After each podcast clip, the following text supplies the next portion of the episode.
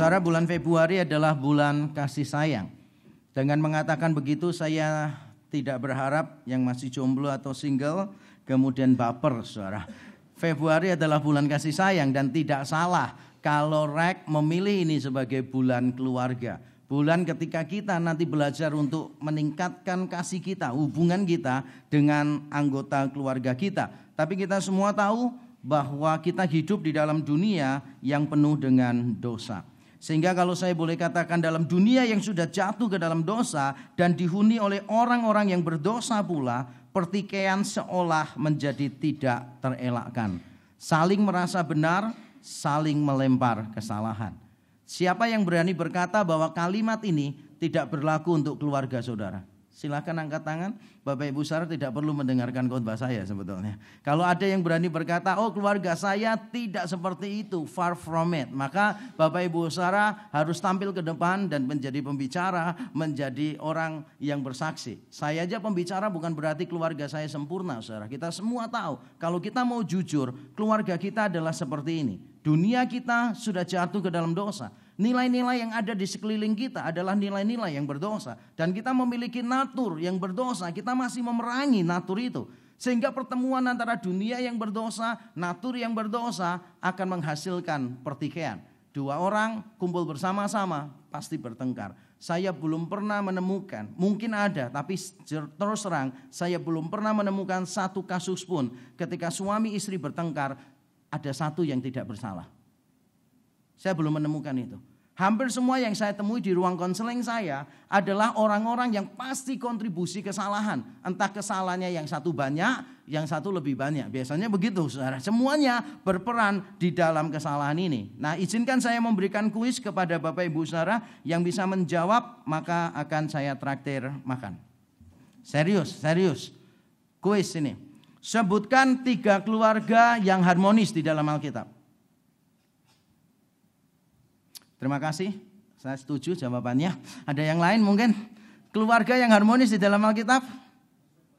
Yusuf dan Maria. Wah, oke. Okay.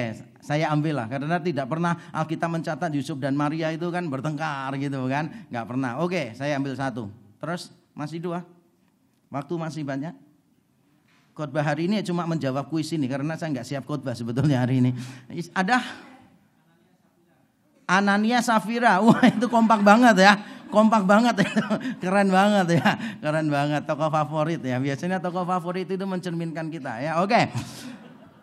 Berikutnya kalau saya kasih waktu saudara lima tahun, tetap saudara tidak akan menemukan itu. Kenapa? Karena di dalam Alkitab memang hampir semua tokoh Alkitab adalah orang-orang yang keluarganya berantakan. Sehingga kalau Bapak Ibu Saudara berkata, aduh keluargaku kok tidak ideal, keluargaku kok tidak sempurna. Maka Bapak Ibu Saudara adalah bagian dari sekian miliar orang yang pernah ada di dunia ini. Bahkan saudara bagian dari deretan tokoh-tokoh Alkitab yang keluarganya memang tidak bahagia. Kalau saudara ingin suami yang sempurna, maka saudara harus menunggu suamimu berbahagia di sisi penciptanya. Baru nanti Tuhan akan memberi dia tubuh kemuliaan dan dijauhkan dari semua dosa.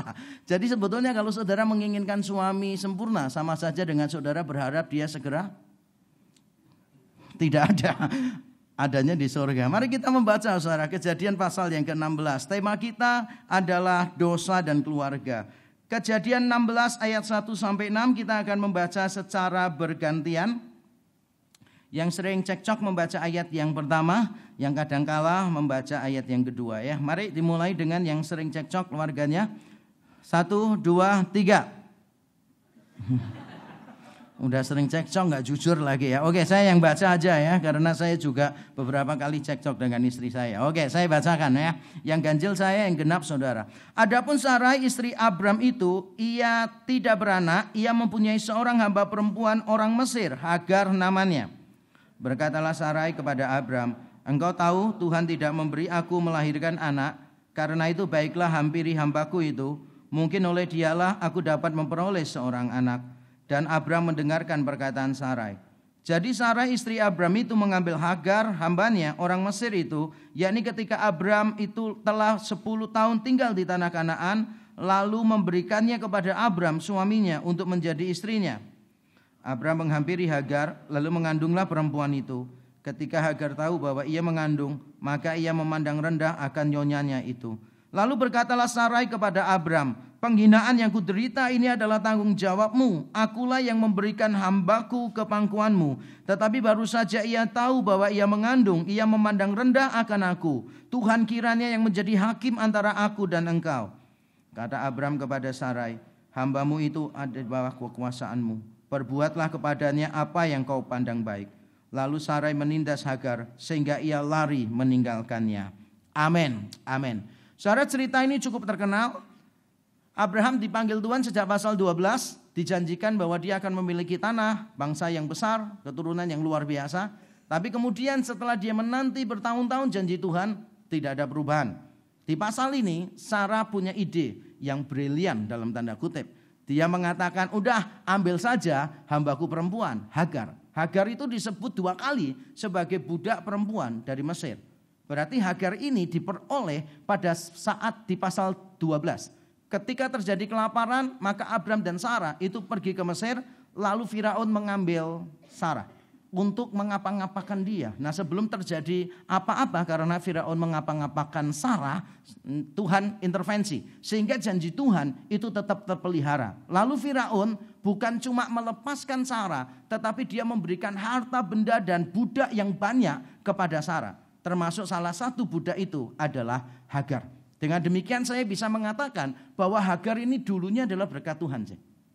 Tapi sikap Sarah yang salah terhadap berkat Tuhan ini, maka akhirnya berkat itu menjadi penghambat kehidupan Sarah. Nah kadangkala kita juga mendapati diri kita dalam posisi yang sama. Berkat Tuhan itu selalu baik. Karena Tuhan tidak bisa memberi yang tidak baik. Berkat Tuhan selalu baik. Tapi ketika kita menyikapi berkat Tuhan dengan tidak baik, maka berkat itu sering kali bisa menjadi kutuk dalam tanda kutip untuk kita. Menjadi sesuatu yang menyesakkan hidup kita. Dan itulah yang terjadi pada Sarah. Akhirnya dia memberikan Hagar ini hambanya perempuan kepada Abraham. Nah Abraham menerima itu karena dia mematuhi sebuah ayat Alkitab yang terkenal yang dalam bahasa Ibrani bunyinya kucing dikai gereh. Jadi ya dia tidak menolak saudara karena dia diberi di depan matanya dia ya Abraham tanpa mikir panjang begitu kan ya. Saya tidak tahu ekspresi Abraham pada waktu ditawarkan Hagar itu seperti apa. Apakah Sarah itu perlu memaksa-maksa Abraham gitu sampai Abraham berkata ya udahlah ya udah ya udah ya udah ya udah gitu. Atau ketika Sarah baru berkata, "Pah, aku pikir aku harus bicara tentang Hagar. Oh ya, aku setuju gitu. Nah, saya nggak tahu, saudara. Dia belum selesai kalimatnya. Abraham sudah langsung setuju, saya tidak tahu ekspresinya dan tidak penting karena Alkitab tidak pernah mencatatkan gitu. Intinya adalah setelah diberikan Hagar, Abraham ambil lalu Abraham menghampiri Hagar. Ini bahasa penghalus ya, menghampiri Hagar lalu mengandung. Jadi di sini jangan ditafsirkan secara hurufiah. Ada orang-orang Kristen tertentu itu yang kalau nafsirkan Alkitab itu selalu hurufiah, selalu hurufiah, selalu hurufiah. Ya ini setengah mati saudara. Kalau dia menafsirkan ayat ini secara hurufiah saudara, wah nanti wanita-wanita itu paling takut saudara. Kalau ada laki-laki yang mendekat menghampiri dia gitu, semuanya takut. Nah begitu di kebaktian, wah sebelahnya laki-laki, besok langsung cas.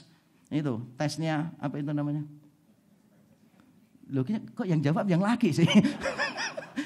Pernah pakai ya berarti ya. Saya pikir yang jawab itu perempuan harusnya. Oke, jadi tes pack ya namanya ya. Tes pack ya. Soalnya saya berkali-kali pakai negatif, jadi saya lupa ya.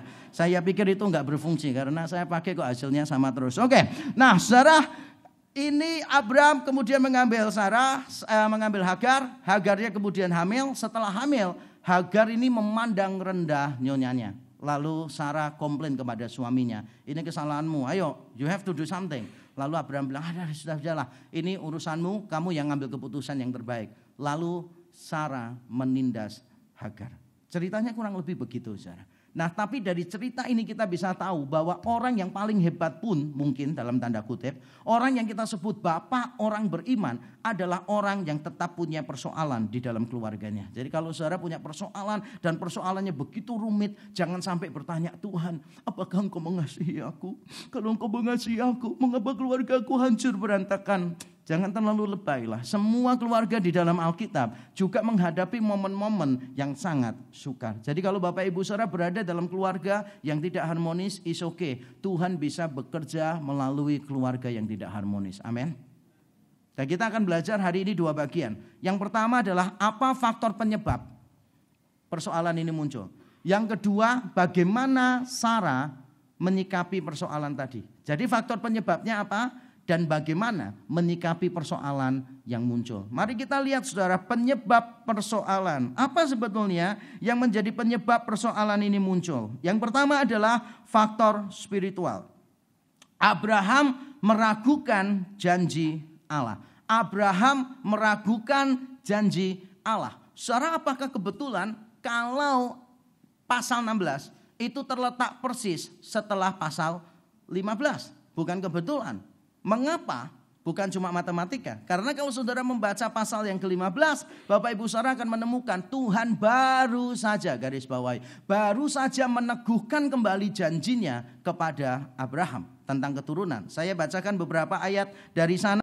Pasal yang ke-15, ketika Abraham sudah putus asa dan dia berpikir Eliezer, hambanya orang dari luar itu yang akan mewarisi semua kekayaannya, ini dia perkataan Tuhan. Orang ini Eliezer tidak akan menjadi ahli warismu, melainkan anak kandungmu. Dialah yang akan menjadi ahli warismu. Lalu Tuhan mencoba membawa Abraham keluar serta berfirman, "Coba lihat ke langit, hitunglah bintang-bintang jika engkau dapat menghitungnya, maka firmannya kepadanya, demikianlah banyaknya nanti keturunanmu." Ayat 6 ditutup dengan luar biasa. Lalu percayalah Abraham kepada Tuhan, maka Tuhan memperhitungkan hal itu kepadanya sebagai kebenaran. Tuhan meneguhkan kembali janjinya kepada Abraham dan Abraham percaya dengan janji itu. Bukan cuma percaya. Abraham lalu meminta tanda. Itu bedanya Abraham dengan kita. Abraham itu percaya dulu baru minta tanda. Kalau kita selalu minta tanda gitu sampai 100% baru kita percaya. Itu sebabnya kita tidak pernah sampai pada percaya. Karena kita terlalu banyak meminta tanda. Abraham beda dengan Gideon, saudara. Kalau Gideon dipanggil Tuhan, itu selalu minta tanda ini, tanda itu, tanda ini, tanda itu, baru dia percaya. Kalau Abraham, dia langsung percaya, setelah itu dia minta tanda. Dan Tuhan ternyata memberi tanda kepada dia. Yaitu ketika matahari telah terbenam di pasal 15 juga, dan hari menjadi gelap maka kelihatanlah perapian yang berasap beserta suluh yang berapi lewat di antara potongan-potongan daging itu. Pada hari itulah Tuhan mengadakan perjanjian dengan Abram serta berfirman, kepada keturunan mulah kuberikan negeri ini. Mulai dari sungai Mesir sampai ke sungai yang besar itu, sungai Efrat. Ini penutup pasal 15. Tuhan mengukuhkan kembali janjinya sambil memberikan tanda. Tapi baru saja Tuhan mengulang janjinya dan memberikan tanda di pasal 16. Abraham kehilangan keyakinannya. Dia diserang oleh keraguan. Nah, secara keraguan ini dipahami berbeda oleh beberapa penafsir. Ada beberapa penafsir yang berpikir begini, Abraham sebetulnya bukan tidak percaya. Abraham itu salah memahami janji Tuhan.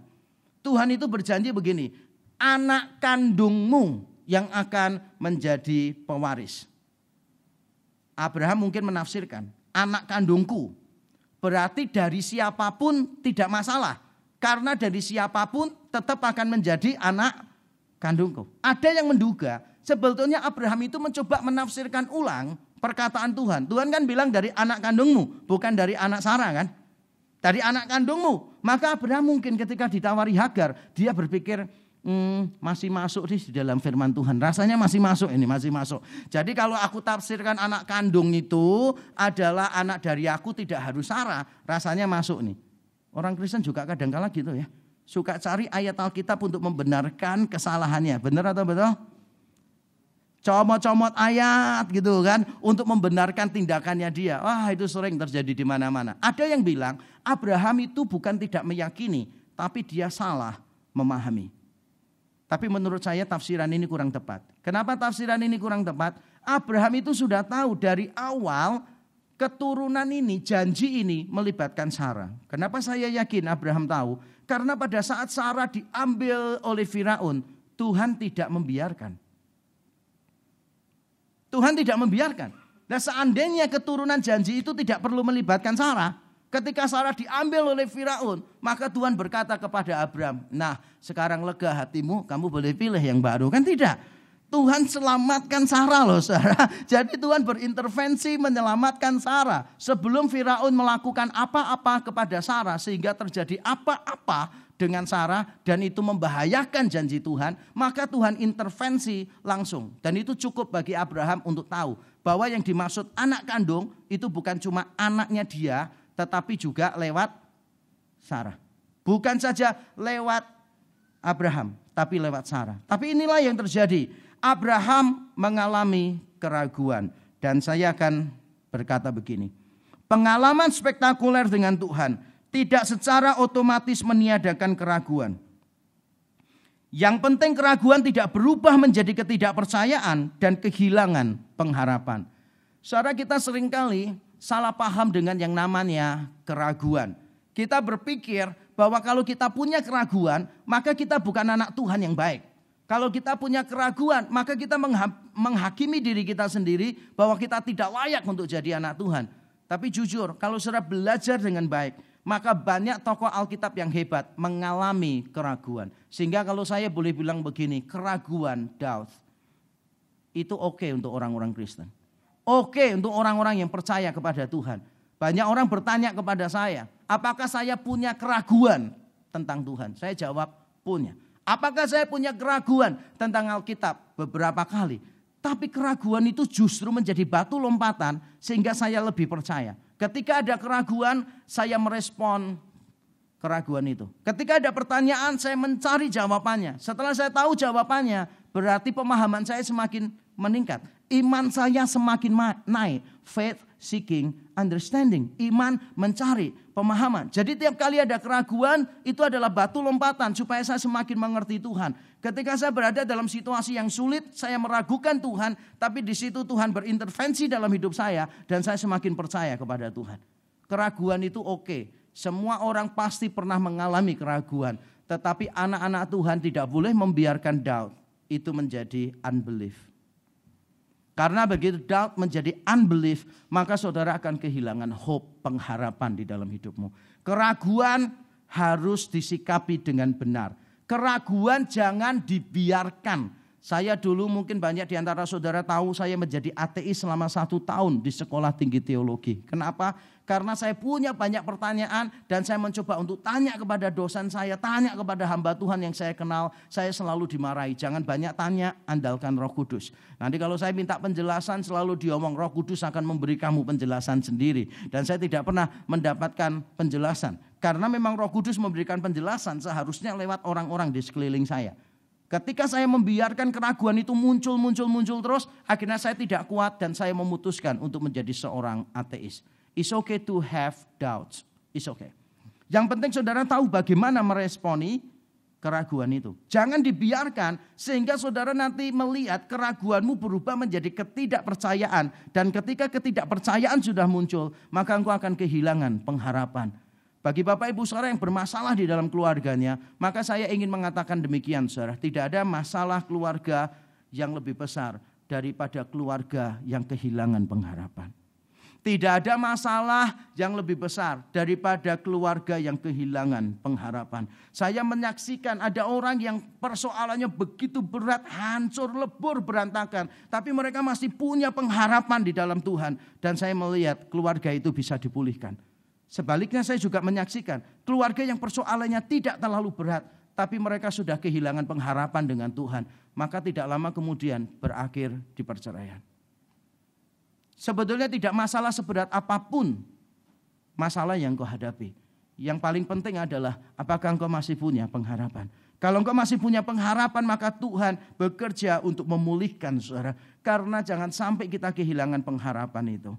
Kalau saudara mengalami keraguan, that's fine, that's okay. Semua orang juga mengalaminya. Dijaga baik-baik keraguan itu, dipelihara, disikapi dengan baik supaya jangan sampai keraguan berubah menjadi ketidakpercayaan dan akhirnya saudara kehilangan pengharapan. Itu faktor pertama mengapa terjadi persoalan dalam keluarga Abraham yaitu faktor spiritual, tidak meyakini Tuhan. Yang kedua Saudara adalah faktor kultural. Apa yang dilakukan Sarah dan apa yang dilakukan Abraham adalah wajar. Jadi kalau boleh saya katakan, Abraham mengambil solusi yang wajar dalam budaya kuno pada waktu itu.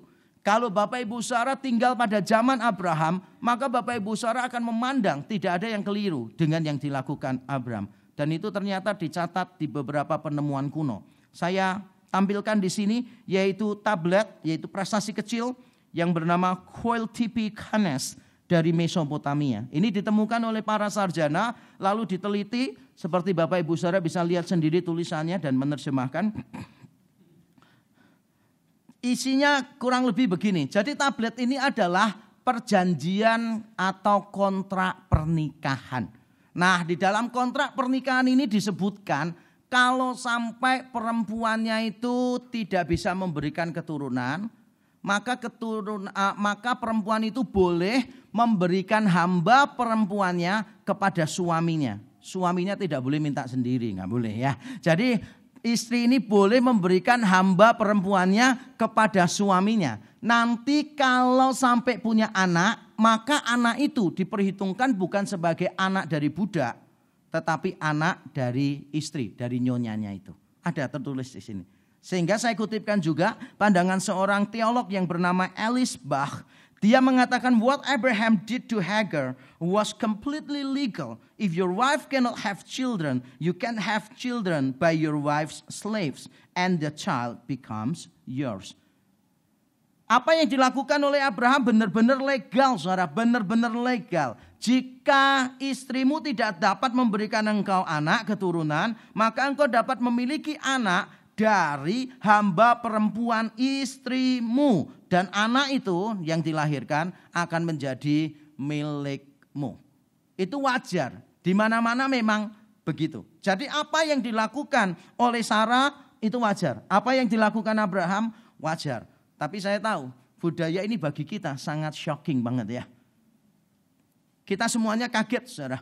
Kalau saudara perempuan, saudara pasti kaget membaca ayat itu. Dan saudara berkata, uh, Sarah, saudara sambil saat teduh bawa pulpen gitu kan. Tiap kali ada nama Sarah, saudara kepengen mau masukin pulpen yang gitu kan. Coret-coret namanya. Kamu kok begini sih? Ini eksploitasi perempuan. Tahu nggak? Tahu nggak? Karena budaya kita beda gitu loh saudara. Zaman dulu kalau orang nikah nggak punya anak, yang salah selalu perempuan selalu ditafsirkan yang bermasalah itu perempuan gitu loh saudara, bukan laki-lakinya. Padahal kan belum tentu.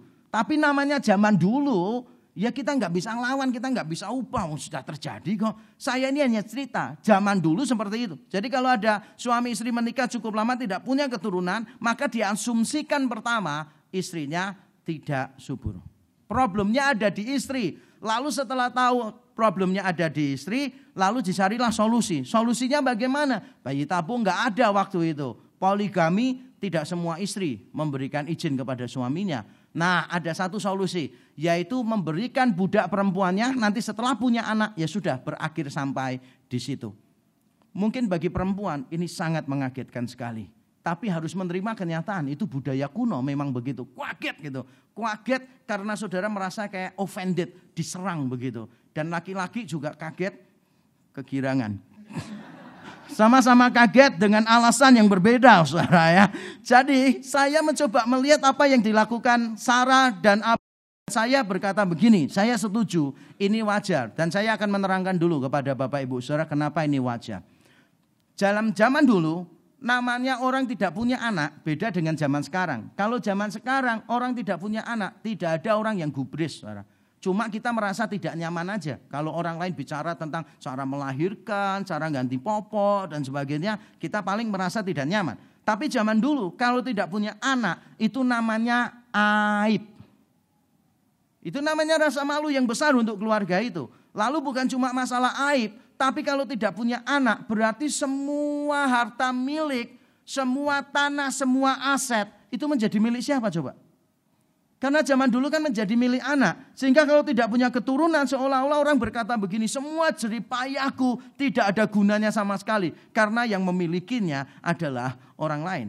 Ini berarti tekanan sosial yang begitu berat untuk Abraham dan Sarah. Bukankah kita juga sering kali menghadapi tekanan sosial saudara? Sehingga kita tidak boleh terlalu menghakimi Abraham menurut saya. Karena kita kadang-kala kena tekanan sosial dan kita juga kalah. Misalnya, ada orang berkata begini, penyebab persoalan terbesar dalam pernikahan adalah keuangan. Menurut saya salah.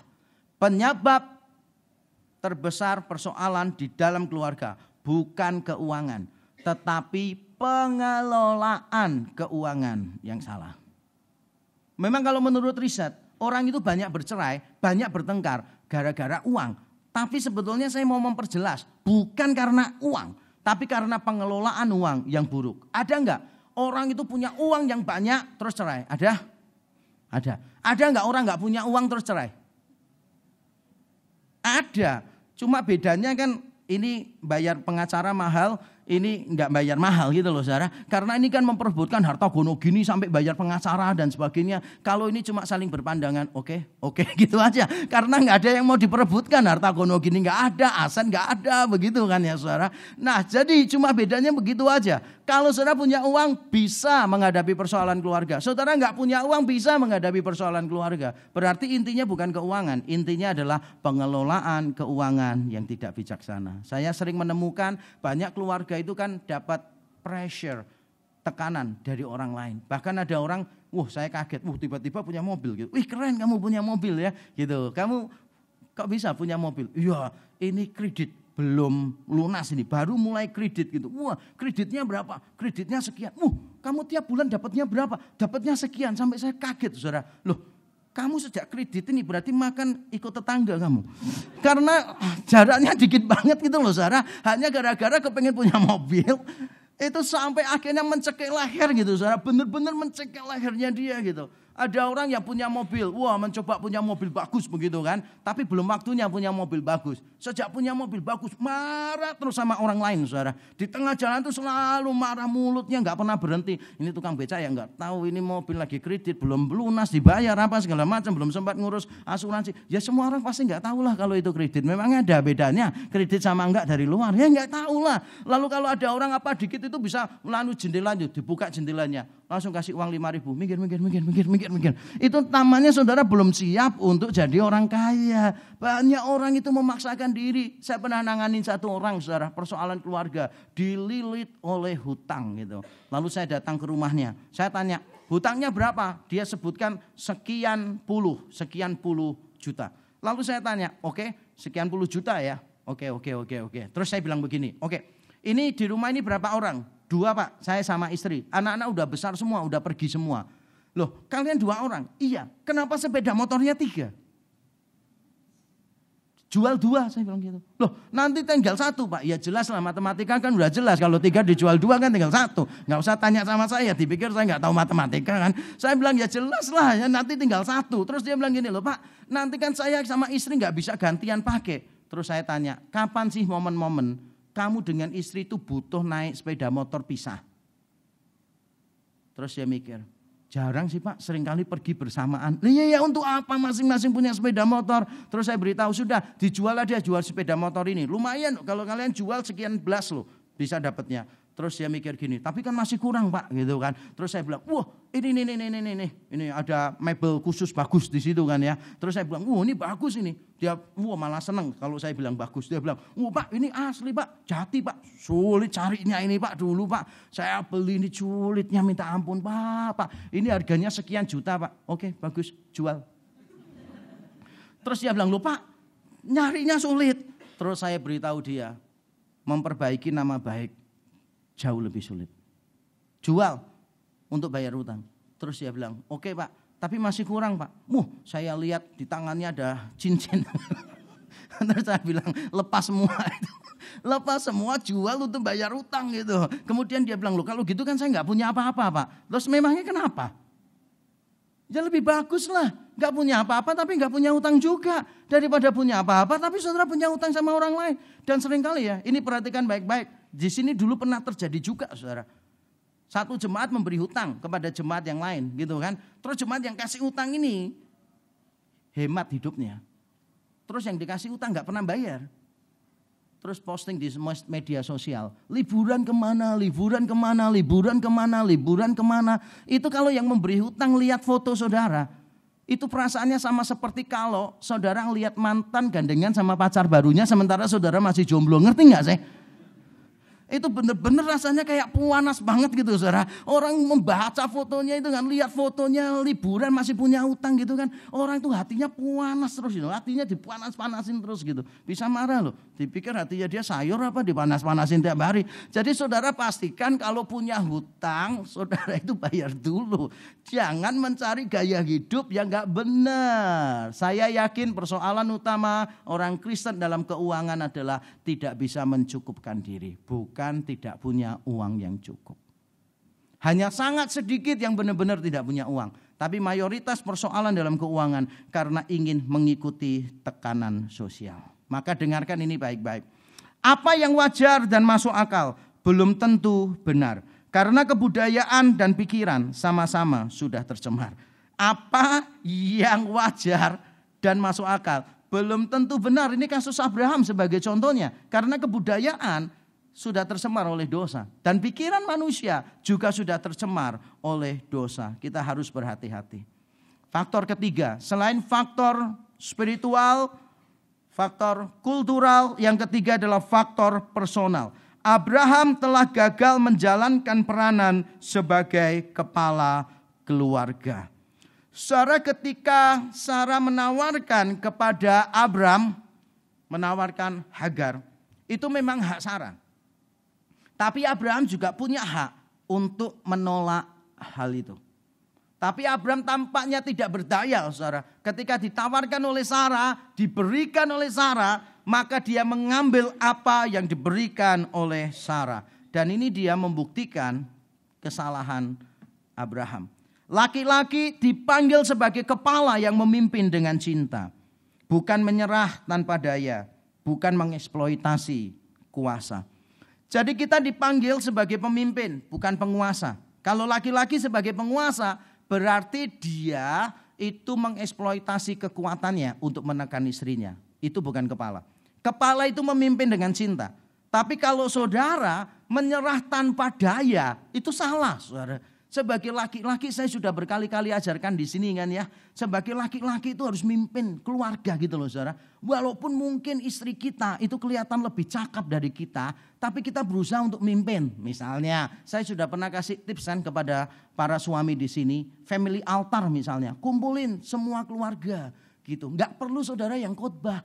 Tapi saudara yang ambil inisiatif gitu loh. Udah semua kumpul ya Papa mau adain family altar. Wah setelah semua kumpul, saudara jadi pemimpin. Saudara bilang, oke okay, hari ini yang doa pembukaan adalah ini, kamu anak yang paling kecil ditunjuk. Gitu loh saudara. Nanti yang mimpin pujian adalah kamu, kakaknya dia ditunjuk gitu kan. Nanti yang membawakan firman Tuhan adalah mama gitu, tunjuk istrinya untuk menyampaikan firman Tuhan. Lalu anaknya tanya, "Pah, nanti yang doa penutup siapa?" Terus dia bingung, "Loh, kok sudah habis?" "Oh ya, tolong panggilkan Mbak untuk ikut family altar ya. Jadi nanti yang doa penutup Mbak gitu kan ya. Yang penting kita ngatur gitu loh saudara. Jadi jadi pemimpin itu ngatur. Jangan kata kuncinya terserah mama, terserah mama, terserah mama. Coba ngatur karena anak-anak itu memperhatikan kita. Bagaimana cara kita mengatasi persoalan. Dan ini aneh. Coba saya tanya ya kuis-kuis Alkitab. Siapa tokoh wanita di dalam kitab kejadian yang perkataannya dicatat di dalam kitab kejadian. Siapa? Dari pasal 1 sampai pasal 16 ini. Kalau di atas pasal 16 ada sih, Ribka juga ngomong sesuatu, Lea, Rachel ngomong sesuatu. Tapi sebelum pasal 16 ini, 16 sebelumnya, siapa tokoh wanita yang bersuara?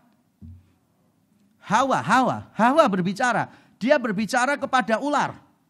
Lalu dia memberikan buah itu kepada suaminya. Walaupun pada waktu memberikan kepada suaminya, dia tanpa bicara. Adam ambil yang ditawarkan oleh Hawa.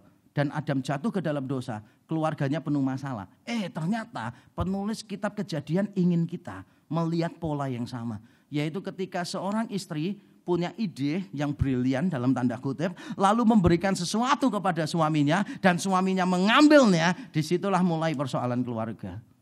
Makanya laki-laki harus dengar baik-baik ya. Kita ini kepala, pimpinlah dengan cinta. Jangan menyerah tanpa daya gitu saudara. Tapi jangan pula pakai kekerasan karena kita dipanggil sebagai kepala bukan sebagai penguasa. Ingat nggak inti dosa Adam apa saudara?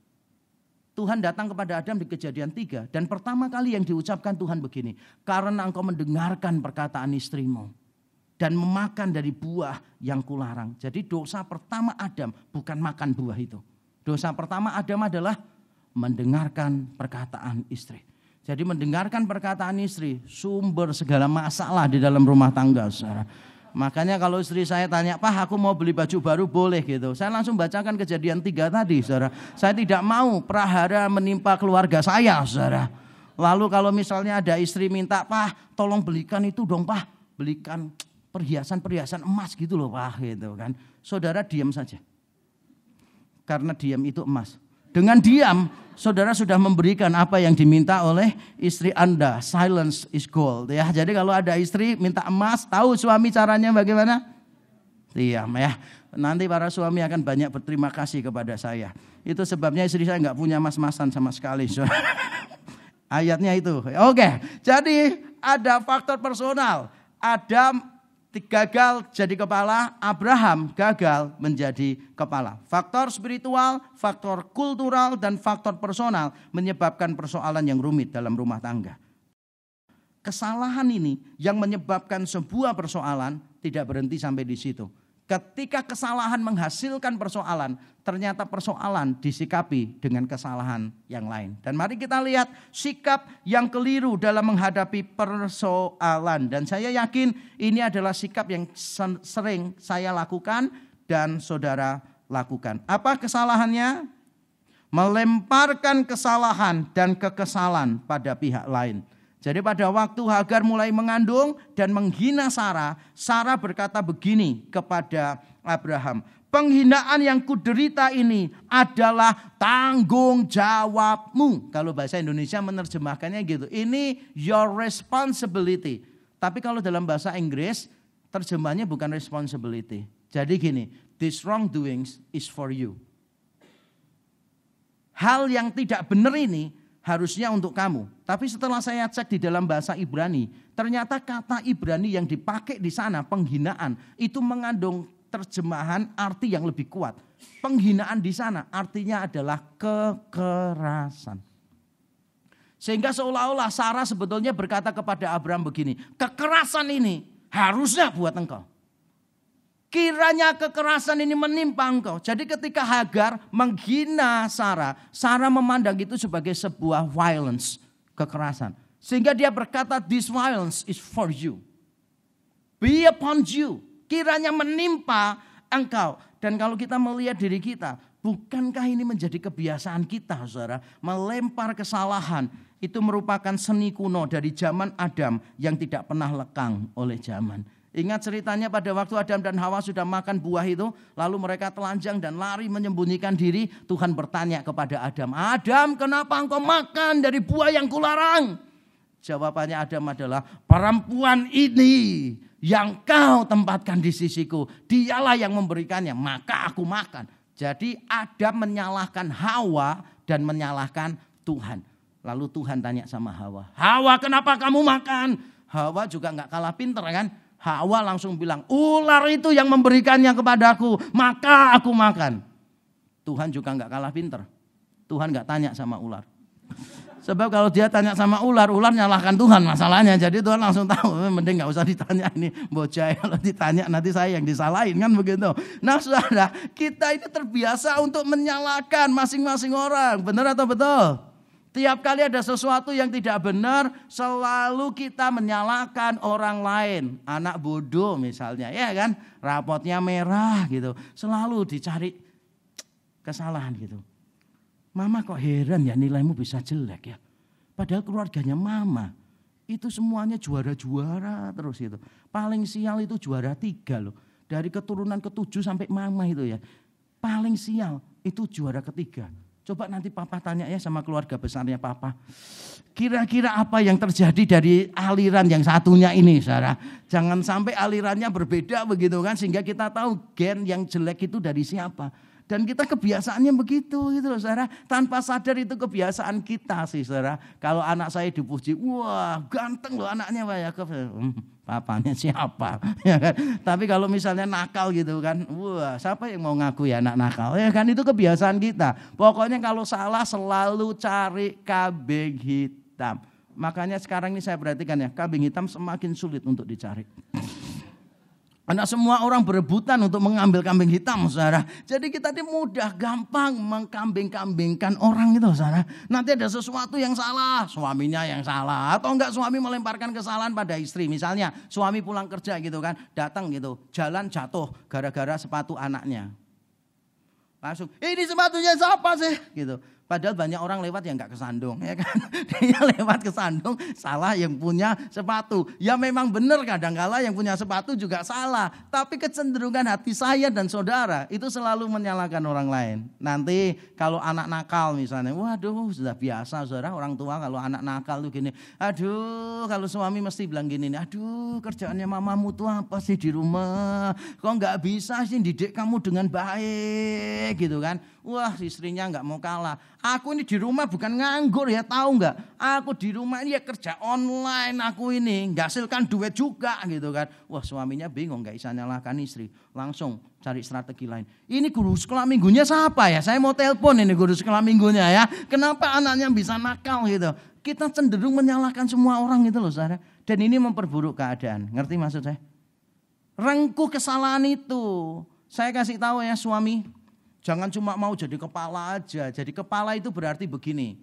Apa pun persoalan yang terjadi di keluarga ini, aku yang bertanggung jawab. Itu suami. Loh tapi itu gara-gara istrinya cerewetnya luar biasa, suka shopping dan sebagainya. Eh, kepalanya siapa? Kepalanya kan kita. Berarti kita menanggung kesalahan itu gitu loh saudara. Jangan membiarkan kesalahan orang nanti kalau sudah nggak bisa dikontrol berantakan nyalahkan orang itu. Eh suami harus lebih berani ngambil keputusan. Istri katakan amin. Sebab kalau saya tanya suami nggak ada yang amin, pasti itu kesalahan yang dilakukan kita ya. Jadi kita melempar kesalahan pada orang lain. Nah ini kesalahan berikutnya yang sering kita juga lakukan. Yaitu menggunakan nama Tuhan dengan sembarangan. Di ayat 15, setelah Sarah berkata kepada Abraham, kiranya kekerasan ini adalah untuk engkau, menimpa engkau. Lalu dia berkata begini, Tuhan kiranya menjadi hakim antara aku dan engkau. Berarti Sarah ini yakin antara dia dengan Abraham yang lebih banyak salah siapa? Abraham. Makanya dia berani memanggil nama Tuhan. Antara Sarah dan Hagar yang lebih banyak salah adalah Hagar menghina Sarah. Makanya dia berani memanggil nama Tuhan. Tapi ironis luar biasa. Mengapa ironis luar biasa? Karena kalau saudara membaca ceritanya dengan teliti. Maka kita akan tahu. Sebetulnya Sarah berada dalam posisi yang paling salah. Semua salah. Tapi di mata Tuhan yang paling salah adalah Sarah. Penulis Alkitab dua kali menyebut bahwa Sarah menindas Hagar. Dan ketika Hagar ditindas tidak kuat, dia lari. Dia minggat. Tuhan mencari Hagar. Tuhan mencari Hagar, melindungi Hagar. Sehingga Hagar di tempat itu dia berkata, aku telah melihat Tuhan. Dan Tuhan melihat aku. Dia menyebut tempat itu El Roy. Tuhan yang melihat. Allah yang melihat dia. Berarti Allah memperhatikan Hagar, saudara. Ketika Hagar ditindas oleh Sarah, Tuhan berpihak dalam tanda kutip kepada Hagar. Dan Tuhan juga berpihak kepada Abraham. Buktinya Abraham tidak ditegur sama sekali di dalam kisah ini. Kalau saudara membaca dengan teliti, saudara langsung menangkap kesan. Yang salah adalah Sarah. Semuanya salah. Tapi Sarah yang paling salah. Sehingga saya bisa berkata begini. Adalah situasi yang sangat ironis ketika seseorang menggunakan nama Tuhan yang kudus untuk membenarkan tindakannya yang berdosa. Dan saya sering perhatikan itu kalau di medsos atau di internet kan, orang tidak bisa membedakan kekayaan dan kemewahan. Ketika saya meletakkan sebuah postingan di situ, saya mencoba memberi kritikan kepada orang-orang Kristen yang suka hidup di dalam kemewahan. Ada juga saudara, orang-orang yang berkata begini, kekayaan itu tidak salah. Tuhan aja membuat tokoh-tokoh Alkitab kaya. Lalu saya jawab, kekayaan memang tidak salah. Siapa yang bilang salah? Postingan saya cuma mengatakan kemewahan itu salah. Coba saya tantang saudara, kasih saya satu ayat, kemewahan itu benar di dalam Alkitab. Tidak ada. Kekayaan itu bisa benar, bisa salah. Tergantung cara kita menggunakannya. Tapi hidup di dalam kemewahan, di dalam pesta pora, mengikuti standar dunia ini, hidup yang konsumeris, tidak pernah benar kok saudara di dalam Alkitab. Kita perlu membedakan kekayaan dan kemewahan. Saya mendoakan supaya saudara kaya. Tapi jangan sampai saudara hidup di dalam kemewahan. Begitu saudara memilih untuk hidup di dalam kemewahan, maka engkau akan hidup untuk dirimu sendiri. Engkau akan menimbun harta untuk dirimu sendiri dan Alkitab berkata, di mana hartamu berada di situ hatimu berada. Saya tidak melarang saudara punya uang banyak. Cuma hati-hati jangan hidup di dalam kemewahan, Saudara. Kalau saudara hidup di dalam kemewahan, bertanyalah pada diri saudara. Berapa banyak yang saudara sudah beri untuk pekerjaan Tuhan? Berapa banyak yang saudara sudah beri untuk orang-orang lain yang membutuhkan. Kalau saudara merasa sudah memberi banyak kepada pekerjaan Tuhan, kepada pelebaran kerajaan Allah, kepada orang lain, dan memang duitmu terlalu banyak, ya sudah nikmati aja. Saya bukan orang yang anti naik mobil mewah misalnya. Enggak apa-apa. Saudara punya mobil mewah, boleh atau enggak boleh? Boleh enggak? Ya kalau pekerjaanmu menuntut engkau punya mobil mewah, ya silahkan dong. Kalau saudara cuma supir mikrolet, jemput penumpang pakai mobil mewah kan nggak perlu, konyol kan ya? Nggak perlu. Kalau memang mobil mewah itu kebutuhanmu is oke. Okay. Tapi pertanyaannya adalah begini, seberapa banyak uangmu yang kamu sudah pakai untuk pekerjaan Tuhan dan orang lain? Kalau yang kamu pakai untuk pekerjaan Tuhan dan orang lain sangat sedikit, maka berarti kemewahanmu menjadi sesuatu yang berdosa. Jangan. Tapi berapa banyak orang yang memakai ayat Alkitab untuk membenarkan gaya hidup yang hedonistik? Berapa banyak saudara? Ketika disinggung tentang kemewahan, langsung ayat-ayatnya keluar semua saudara. Ayat-ayatnya keluar semuanya kan. Entah pakai cerita buah sulung lah, nanti persepuluhan itu bisa mendobrak pintu surga lah, bisa menantang surga untuk memberkati lebih banyak lah gitu. Lo ini kan memakai ayat-ayat untuk apa? Untuk mengumbar gaya hidup kemewahan gitu saudara. Ada orang yang bilang begini, mari kita kumpulkan duit, belikan saya private jet. Beberapa hamba Tuhan di Amerika, setahu saya sudah ada dua orang dengan alasan yang sama yang konyol. Tahu saudara alasannya apa? Alasannya begini, kalau saya naik pesawat komersial, urapan saya ini berkurang. Karena penumpang-penumpang ini, saya tidak tahu kerohaniannya seperti apa. Jadi saya perlu private jet supaya saya sendirian dengan Tuhan, saya mendengar suara Tuhan dengan lebih baik. Are you kidding me? Mendengar suara Tuhan perlu private jet. Kasihan ya. Berarti dulu Abraham, Musa dan sebagainya itu nggak bisa mendengar suara Tuhan dengan jelas. Suara ini adalah tipuan-tipuan yang diberi label rohani untuk memuaskan gaya hidup duniawi. Makanya dalam salah satu postingan saya, saya tulis begini, kok aneh ya, orang yang paling sering membahas dunia roh, ternyata adalah orang yang hidupnya paling duniawi. Sedikit-sedikit roh kudus, roh kudus, roh kudus, roh kudus, roh kudus, roh kudus, roh kudus. Wah begitu hidup, hidupnya duniawi kok. Tapi dilabeli dengan roh kudus, dilabeli dengan macam-macam ini itu, ini itu, begitu. Tidak ada yang lebih ironis, itu sama dengan kesalahan Sarah ini. Dan yang terakhir yang saya mau beritahu saudara adalah ini. Seorang korban ketidakadilan bisa menjadi monster yang mengerikan ketika dia diberi kekuasaan. Saudara lihat Sarah dihina oleh Hagar. Ada penghinaan, benar. Saya meragukan penghinaan itu layak disebut kekerasan. Karena budak tidak mungkin melakukan kekerasan kepada nyonyanya. Tidak mungkin. Tapi kalau menghina mungkin iya. Mungkin ngomong yang kasar begitu nyindir-nyindir mungkin iya. Jadi penghinaan yang diterima oleh Sarah dibalas oleh Sarah dengan apa? Penindasan.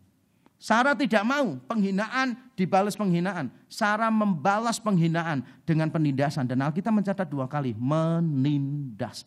Saudara ketika Sarah punya masalah, dia berkata kepada Abraham, kiranya Tuhan menghakimi antara aku dan engkau. Lalu Abraham mengalah, oke lah perbuat apa yang kamu pandang baik. Dan ketika Abraham memberikan kuasa kepada Sarah, yang terjadi adalah Sarah tidak lagi menunggu Tuhan. Sarah menjadi Tuhan. Dia yang menuntut balas. Bukankah seharusnya setelah dia diberi kuasa oleh suaminya, dia tetap berkata, biarlah Tuhan yang menghakimi antara aku dan engkau, antara aku dan dia. Bukankah begitu sih? Tapi ternyata bukan itu yang dilakukan oleh Sarah. Dia menunggu Tuhan, tapi ketika punya kuasa, dia tidak perlu menunggu Tuhan. Dia langsung menjadi Tuhan. Dan tiap kali orang yang terzolimi membalas, maka pembalasannya jauh lebih parah daripada apa yang dia terima. Saudara hati-hati, Tuhan itu selalu berkata pembalasan adalah hak Tuhan. Karena Tuhan tahu ketika saudara membalas tidak akan ada habisnya. Kalau saudara tidak percaya, saudara nggak perlu Alkitab kok untuk itu. Saudara hanya perlu membaca buku Kopengho. Nggak selesai-selesai itu saudara. Kenapa ini dibunuh ini, ini nanti sakit hati, muridnya nanti berkembang lagi, nanti bunuh yang ini terus gitu. Itu kalau diteruskan ya saudara, diteruskan terus. Itu akan jadi buku paling panjang di dalam sejarah umat manusia saudara. Balas dendam tidak akan pernah ada akhirnya.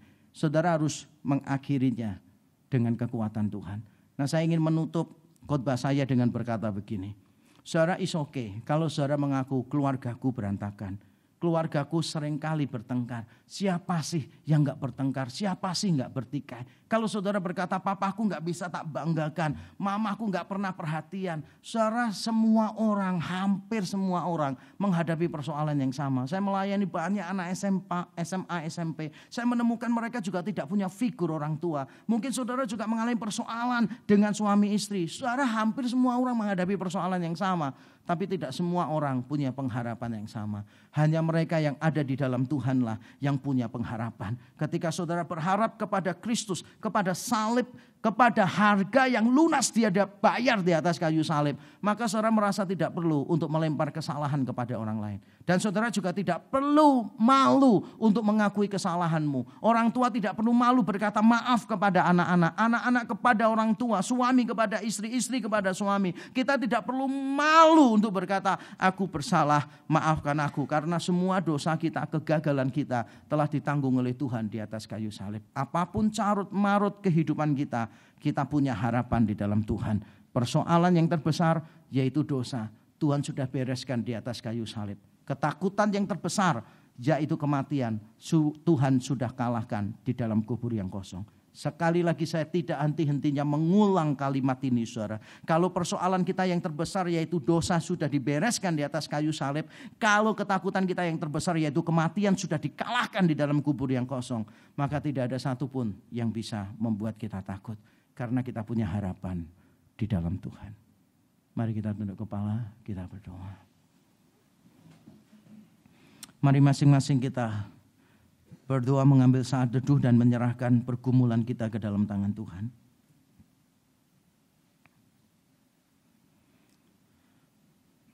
Apa pun persoalan di dalam keluargamu, jangan pernah menyerah, jangan pernah kehilangan harapan. Datang kepada Tuhan, mungkin engkau turut bersalah di dalam semua persoalan itu, atau mungkin engkau tidak mengambil bagian di dalam kesalahan itu, kontribusimu tidak terlalu banyak. Engkau tidak berdaya untuk mengubahnya. Tapi selalu ada pengharapan di dalam Tuhan. Mari datang kepada Tuhan. Haleluya. Haleluya. Bapa di surga kami datang kepadamu. Mohon ampun di hadapanmu ya Tuhan. Kami membawa keluarga kami masing-masing ke dalam tanganmu. Engkau tahu keadaannya ya Tuhan. Engkau tahu kekhawatiran kami, kegelisahan kami. Engkau tahu kesakitan. Engkau tahu kepahitan dalam hati kami. Luka-luka di dalam hati kami. Engkau tahu semuanya.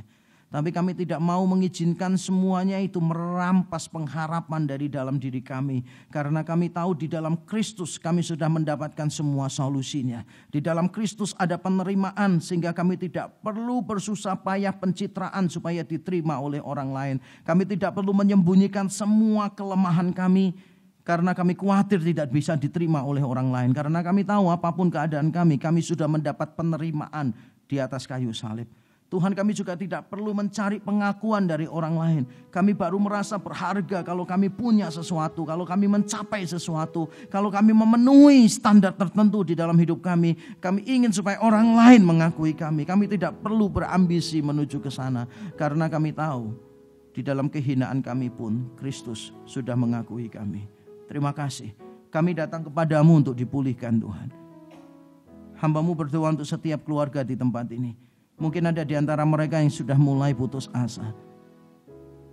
mulai sulit untuk berharap, mulai sulit untuk mempercayai bahwa tangan Tuhan bisa bekerja dan memulihkan. Roh Kudus kiranya Engkau menjamah mereka melalui firman-Mu ini. Terima kasih. Engkau memberkati setiap kami. Terpuji namamu ya Tuhan. Di dalam Kristus Yesus Tuhan. Kami berdoa dan kami bersyukur. Amin.